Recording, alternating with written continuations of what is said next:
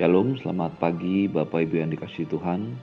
Mari kita kembali merenungkan firman Tuhan pagi hari ini diambil dari Lukas pasal 13 ayat 1 sampai dengan 9. Lukas pasal 13 ayat 1 sampai dengan 9. Dosa dan penderitaan. Pada waktu itu datanglah kepada Yesus beberapa orang membawa kabar tentang orang-orang Galilea yang darahnya dicampurkan Pilatus dengan darah korban yang mereka persembahkan. Yesus menjawab mereka, Sang kamu orang-orang Galilea ini lebih besar dosanya daripada dosa semua orang Galilea yang lain karena mereka mengalami nasib itu?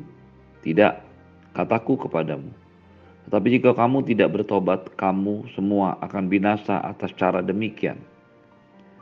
Atau sang kamu ke-18 orang yang mati ditimpa menara dekat Siloam, lebih besar kesalahannya daripada kesalahan semua orang lain yang diam di Yerusalem? Tidak, Kataku kepadamu, tetapi jikalau kamu tidak bertobat, kamu semua akan binasa atas cara demikian. Lalu Yesus mengatakan perumpamaan ini. Seorang mempunyai pohon ara yang tumbuh di kebun anggurnya. Dan ia datang untuk mencari buah pada pohon itu, tetapi ia tidak menemukannya. Lalu ia berkata kepada pengurus kebun anggur itu, Sudah tiga tahun aku datang mencari buah pada pohon ara itu, dan aku tidak menemukannya. Tebanglah pohon ara ini. Untuk apa ia hidup di tanah ini dengan percuma? Jawab orang itu, Tuan, biarkanlah dia tumbuh setahun ini lagi. Aku akan mencangkul tanah di sekelilingnya dan memberi pupuk kepadanya. Mungkin tahun depan ia akan berbuah. Jika tidak, tebanglah dia. Bapak Ibu yang dikasih Tuhan, kita sudah belajar firman Tuhan pada waktu Tuhan Yesus mulai berbicara. Ketika Tuhan Yesus sedang mengajar, dengan tegas Tuhan Yesus berkata, supaya setiap orang memikirkan kemungkinan-kemungkinan yang akan terjadi dalam hidupnya ketika ia meresponi apa yang menjadi firman Tuhan, pesan Tuhan. Tuhan Yesus mengajar kepada murid-muridnya dan juga didengar oleh banyak orang. Jika engkau dengan lawanmu pergi menghadap pemerintah, berusaha berdamai dengan dia selama di tengah jalan supaya jangan engkau diseretnya kepada hakim dan hakim menyerahkan engkau kepada pembantunya dan pembantunya itu akan melemparkan engkau ke dalam penjara. Engkau tidak akan keluar dari sana sebelum engkau membayar hutangmu sampai lunas. Ketika Tuhan Yesus sedang mengajar demikian, tiba-tiba ada satu orang yang datang menyampaikan informasi kepada Tuhan Yesus tentang orang-orang Galilea yang darahnya dicampurkan Pilatus dengan darah korban yang mereka persembahkan. Peristiwa apakah yang terjadi pada waktu itu? Menurut tradisi dan sejarah Yahudi yang dicatat oleh para ahli-ahli sejarah, peristiwa ini tidak terlalu jelas untuk dicatat. Mengapa ini tidak dicatat? Mungkin karena pengaruhnya yang tidak begitu besar secara keseluruhan terhadap kehidupan bangsa Yahudi dan sejarah mereka pada umumnya. Yosefus Flavus salah satu sejarawan orang Yahudi tidak mencatat peristiwa ini dengan jelas. Tetapi dari apa yang kita baca dari dalam Alkitab, kita melihat bahwa Pilatus yang menjadi pemimpin Romawi di tempat itu menangkap orang-orang Galilea yang memang terkenal paling sengit, paling berani untuk menentang kedudukan Romawi atas Yehuda, atas Israel. Orang-orang Galilea yang kebanyakan dihuni oleh kaum atau orang Zelot merupakan penentang keras penjajahan Israel, Yahudi, Yehuda oleh Romawi. Dan ketika mereka sedang mempersembahkan korban di Jerusalem, karena mereka mempersembahkan korban selalu di bait Allah di Jerusalem, Pilatus marah dan membunuh mereka. Bahkan kemudian mencampur darah mereka dengan darah korban yang seharusnya mereka persembahkan kepada Tuhan. Apa yang dilakukan oleh Pilatus memang sangat kejam, dan beberapa bagian Alkitab memang mencatat kekejaman apa yang dilakukan oleh Pilatus. Ketika orang banyak melaporkan kepada Tuhan Yesus apa yang terjadi dengan mereka, orang-orang Galilea yang secara manusia mati dengan cara menyedihkan. Bayangkan darah mereka dicurahkan ke atas mesbah yang menjadi mesbah korban bakaran yang merupakan darah binatang. Apa yang dilakukan oleh Pilatus sangat kejam dan apa yang dialami oleh orang-orang Galatia sangat mengerikan sangat ternista bagaimana darah mereka betul-betul digabungkan dengan darah korban binatang yang dipersembahkan kepada Tuhan. Ketika Tuhan Yesus mendengarkan orang yang mengabarkan itu, dia menjawab mereka, "Sang kamu orang-orang Galilea yang mati dibunuh itu, dan darahnya dicampur dengan darah korban. Lebih besar dosanya daripada dosa semua orang Galilea yang lain, karena mereka mengalami nasib itu? Tidak, kataku kepadamu, Jikalau kamu tidak bertobat, kamu semua akan binasa atas cara demikian. Seringkali di dalam kehidupan, pikiran, mindset yang ada dalam orang Yahudi, apa yang terjadi dalam hidup seseorang merupakan gambaran atau relasi langsung akibat langsung dari dosa dan ketidakbenaran mereka di hadapan Tuhan. Semua peristiwa yang terjadi dalam hidup mereka dihubungkan dengan ketaatan, dengan dosa dan sikap mereka di hadapan Tuhan. Pikiran atau mindset ini begitu mempengaruhi orang Yahudi sehingga ketika ada orang Yahudi yang mati dengan cara mengenaskan seperti ini, mereka kehilangan arti dari sebuah kematian. Mereka berpikir bahwa mereka yang mati mengenaskan ini adalah orang-orang yang lebih berdosa daripada orang-orang Galatia yang lain. Seharusnya mereka justru melihat mereka ini adalah para martir yang karena mempertahankan negara mereka, mereka harus mati dibunuh dengan cara mengenaskan oleh Pilatus. Apa pun penilaian orang terhadap orang-orang Galatia yang matinya menyedihkan ini, tidak merupakan sebuah hal yang menarik perhatian Tuhan Yesus untuk menilai kematian apakah, dosa apakah, kesalahan apakah yang dialami oleh orang-orang Galatia tadi.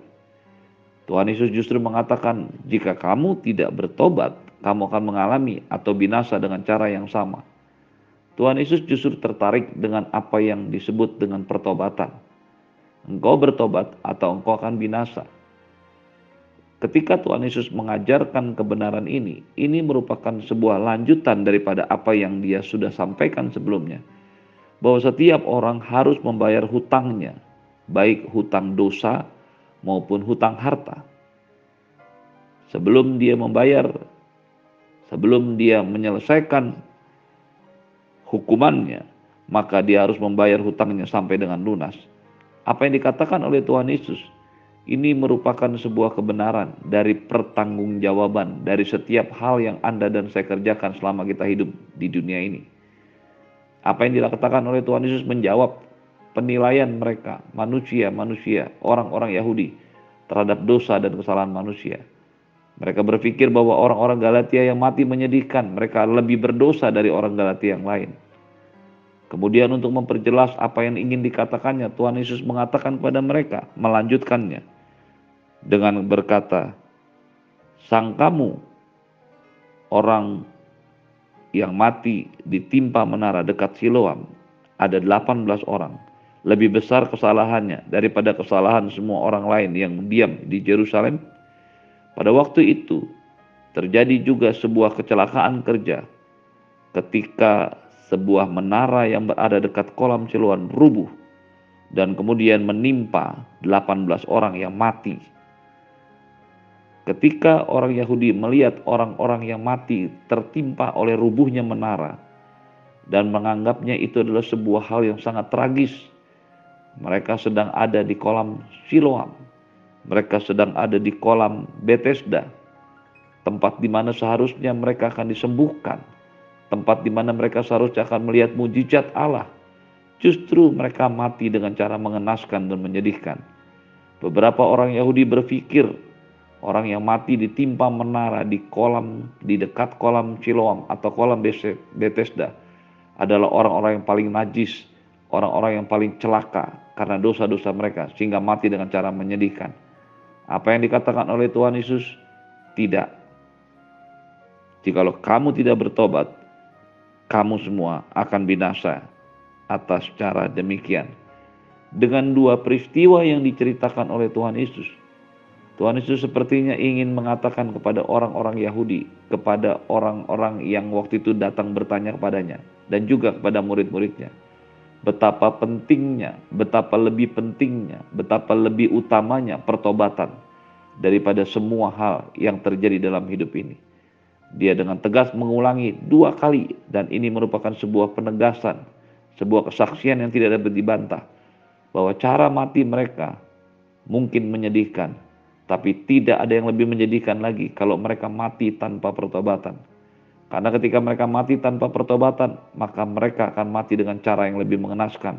Bukan hanya sementara, bukan hanya tubuh yang sementara yang dapat binasa ini, tetapi untuk selama-lamanya dalam kekekalan. Itulah yang dimaksudkan oleh Tuhan Yesus.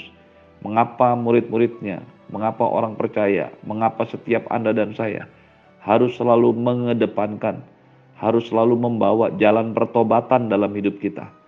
Ketika Anda dan saya menyadari bahwa hidup kita adalah kasih karunia anugerah Tuhan, maka sekali-sekali itu bukan menjadi sebuah legitimasi, sebuah jalan, sebuah pengecualian untuk hidup dengan sembarangan anda dan saya harus tidak boleh bermain-main dengan dosa. Anda dan saya harus bertobat dari semua dosa dan kesalahan.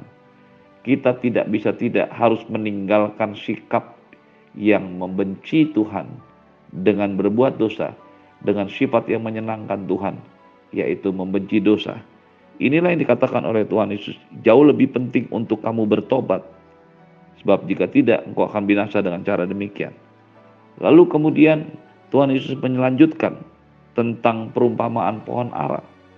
Dia berkata seorang yang mempunyai pohon ara yang tumbuh di kebun anggurnya dan ia datang untuk mencari buah pada pohon itu namun ia tidak menemukannya dan ia berkata pada pengurus kebun anggur itu sudah tiga tahun lamanya aku datang mencari buah pada pohon ara ini dan aku tidak menemukannya tebanglah pohon itu untuk apa ia hidup di tanah ini dan dengan percuma ini adalah sebuah cerita yang menarik Bagaimana seorang pemilik perkebunan anggur menanam pohon ara di sekitar atau di area kebun anggurnya. Pohon ara harusnya memiliki tempat yang tersendiri.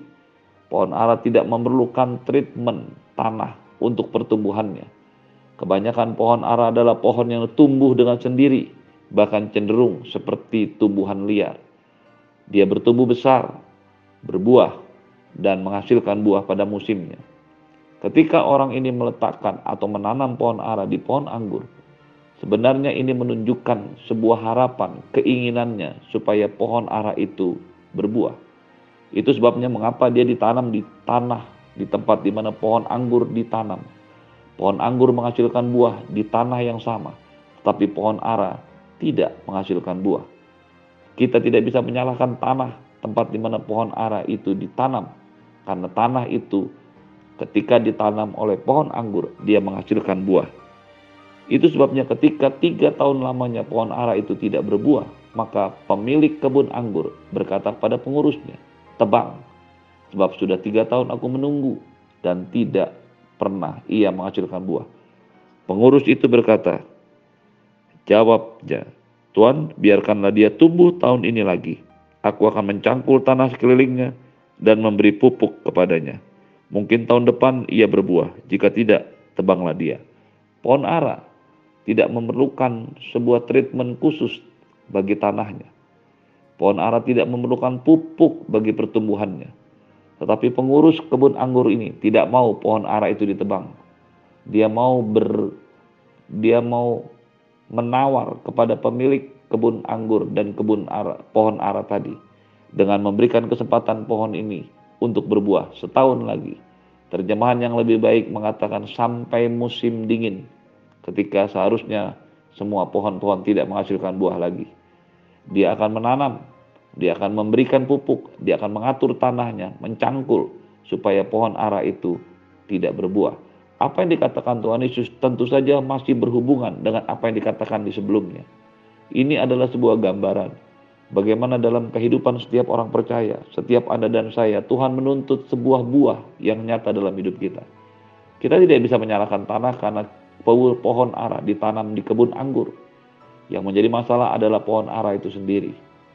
Ketika seharusnya pemilik kebun anggur yaitu Allah Bapa berniat untuk menebang pohon itu, maka pengurus kebun anggur Tuhan Yesus bertanya, mengadakan sebuah penawaran kepada pemilik yaitu Bapa di surga untuk memberikan kesempatan pohon ara itu dicangkul tanahnya dan diberi pupuk. Tahun depan kalau dia tidak menghasilkan buah, tetap ditebang. Ini adalah sebuah gambaran dari kasih karunia anugerah Tuhan yang selalu diberikan kepada Anda dan saya. Kesempatan untuk kita bertobat, kesempatan untuk kita berbuah lagi dalam hidup kita.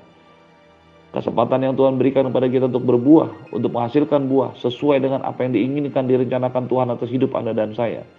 Mungkin satu kali tidak berhasil atau belum berhasil.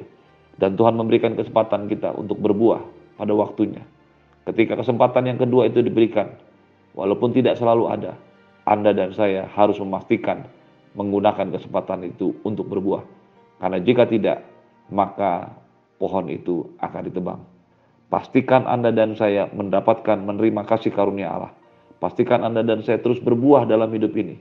Pastikan Anda dan saya selalu terhubung dengan pengurus kebun anggur, yaitu Tuhan Yesus. Sehingga kita mengalami keselamatan yang kekal dalam Tuhan. Terimalah berkat yang berlimpah dari Bapa di surga, cinta kasih dari Tuhan Yesus, penyertaan yang sempurna dari Roh Kudus menyertai hidupmu hari ini dan sampai selama-lamanya. Dalam nama Yesus semua yang percaya katakan amin.